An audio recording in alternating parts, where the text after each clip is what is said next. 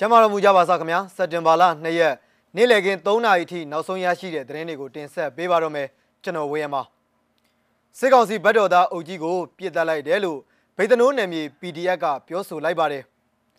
အကြမ်းဖက်စစ်ကောင်စီတပ်တွေကြောင့်ထွက်ပြေးတင်းရှောင်နေရတဲ့ဒဇယ်မြို့နယ်ကျေးရွာနှစ်ရွာကဒေသခံတွေစားနပ်ရိက္ခာနဲ့ဆေးဝါးတွေလိုအပ်နေပါတယ်ကရင်မျိုးသားစီယုံ KNU တပ်မဟာ9ရဲ့အပတ်စဉ်ကိုစစ်တင်နှန်းဆင်းသွားပြီလို့သိရပါတယ် ဒီသတင်းတွေနဲ့အတူဒီကနေ့နေ့လယ်ပိုင်း3နာရီထိနောက်ဆုံးရရှိတဲ့သတင်းတွေကိုတင်ဆက်ပေးမှာပါပထမဆုံးအနေနဲ့တင်ဆက်ပေးခြင်းတဲ့သတင်းတစ်ပုဒ်ကတော့မကွေးတိုင်းဒေသကြီးမြို့တစ်မြို့နယ်မဲစလီပင်ကျေးရွာမှာနေတဲ့စစ်ကောင်စီခန့်အိုင်မကျေးရွာအုပ်စုအုပ်ချုပ်ရေးမှူးဦးအောင်စိုးမင်းကိုမင်းညကပြစ်ခတ်တပ်ဖြတ်ခဲ့တဲ့ကြောင်းဗေဒနိုးနယ်မြေပြည်သူ့ကာကွယ်ရေးတပ်ကထုတ်ပြန်ထားပါတယ်။ဦးအောင်စိုးမင်းဟာအကြမ်းဖက်စစ်အုပ်စုရဲ့အလို့ကျကျေးရွာမှာနေတဲ့ပြည်သူလူထုကိုဖိနှိပ်တာတွေချင်းချောက်တာတွေနဲ့ သတင်းပေးတာတွေဆောင်ရွက်ခဲ့သူဖြစ်ပါတယ်။သူ့ရဲ့နေအိမ်ဝင်းအတွင်းမှာတနက်နဲ့15ချက်ပြစ်ခတ်ခဲ့တဲ့အကြောင်းထုတ်ပြန်ချက်မှာရေးသားထားပါတယ်။ဒါပြင်မြို့တစ်မြို့နယ်အတွင်းမှာနေထိုင်တဲ့ရှိတဲ့စစ်ကောင်စီရဲ့လက်ပါစီတွေသတင်းပေးဒလန်တွေနဲ့သူတို့ရဲ့မိသားစုဝင်တွေနှင်းရွယ်ဆက်ဆက်သူတွေရဲ့အသက်အိုးအိမ်စည်းစိမ်တွေကိုလုံးဝတာဝန်ယူမှာမဟုတ်ကြောင်းကိုလည်းဗိတ်တနိုးနယ်မြေပြည်သူ့ကာကွယ်ရေးတပ်ကသတိပေးထားတာကိုလည်းတွေ့ရပါတယ်။နောက်ထပ်တင်ဆက်ပေးခြင်းတဲ့သတင်းတစ်ပုဒ်ကတော့စကိုင်းတိုင်းဒေသကြီးဒဇယ်မြို့နယ် ကပောင်းကြကျေးရွာနဲ့လိတ်ချံကျေးရွာက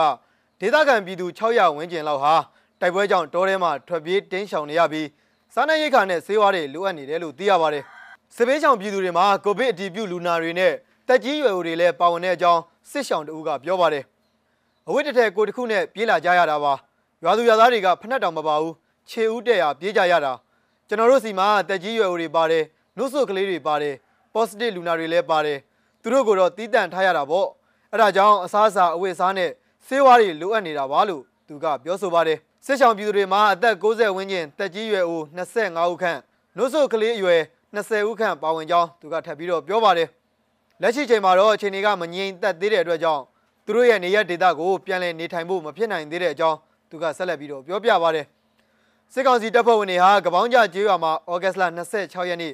မနက်ပိုင်းဝန်းကျင်ကဝင်ရောက်တက်ဆွဲပြီးဒေသခံတွေရဲ့နေအိမ်တွေကိုဖျက်ဆီးတာတွေ မိရှို့ဖျက်ဆီးတာတွေပြုလုပ်သွားပြီးတော့လက်ချံကျေးရွာမှာလည်းနေအိမ်တွေကိုဖျက်ဆီးသွားတဲ့အကြောင်းဒေသခံတွေကဆိုပါတယ်။နောက်ထပ်တင်ဆက်ပေးခြင်းတဲ့သတင်းတစ်ပုဒ်ကတော့ကရင်မျိုးသားစီယုံ KNU တပ်မဟာ9ရဲ့အပတ်စဉ်ကိုအခြေခံစစ်တင်နန်းဟာဒီကနေ့စက်တင်ဘာလ2ရက်မှာတင်နန်းစင်ပွဲပြုလုပ်ခဲ့ပါတယ်။မှတ်တမ်းပုံရိပ်တွေကိုလည်းကြည့်ရှုကြရအောင်ပါ။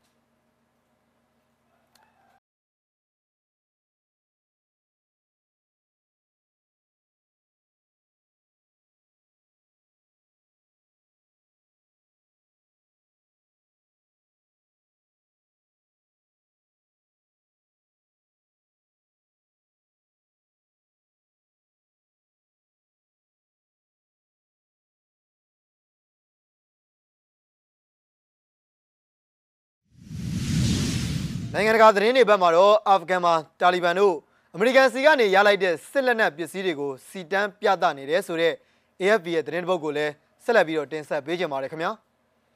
အာဖဂန်နစ္စတန်နိုင်ငံမှာတာလီဘန်တို့ဟာသူတို့သိမ်းယူရရှိခဲ့တဲ့အမေရိကန်လို့စစ်လက်နက်အသုံးဆောင်ပစ္စည်းတွေကိုစက်တင်ဘာ၁ရက်ကနိုင်ငံတောင်ပိုင်းမှာစီတန်းလှည့်လည်ပြသမှုတွေလှုပ်ဆောင်ခဲ့ကြပါတယ်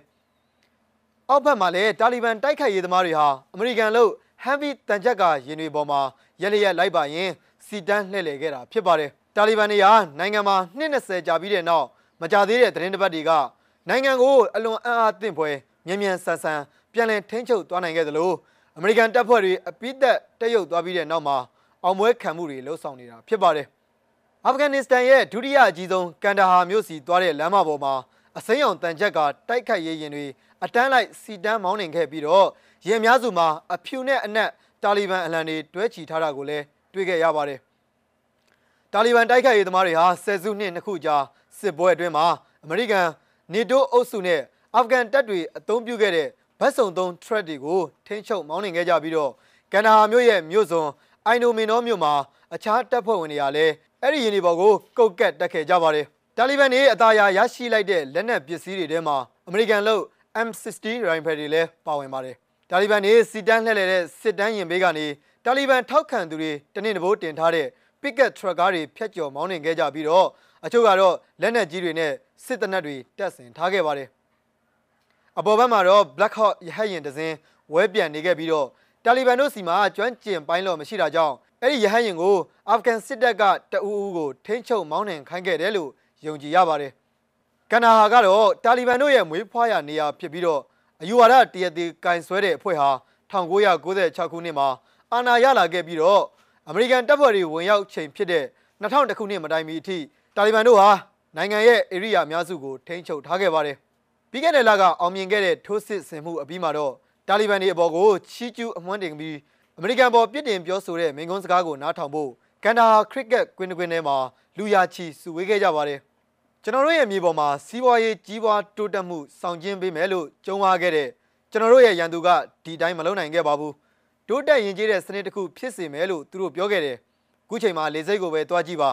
အဲ့ဒီမှာလေရင်တွေဒီတိုင်းကြံခဲ့တယ်အမေရိကန်ကကျွန်တော်တို့ရဲ့လူငယ်တပ်သားတွေကိုမတိုက်ခိုက်နိုင်ခဲ့ပါဘူးအမေရိကန်ဟာကျွန်တော်တို့ရဲ့မီဒီယာကိုပျက်စီးစေခဲ့ပါတယ်ကျွန်တော်တို့ရဲ့ယဉ်ကျေးမှုကိုလည်းဖျောက်ခဲ့ပါတယ်ကျွန်တော်တို့ရဲ့စီးပွားရေးကိုလည်းနင်းချေခဲ့ပါတယ်လို့တာလီဘန်လူသစ်စူဆောင်းသူတူဖြစ်တဲ့ စာကက်ကပြောဆိုခဲ့ပါတယ်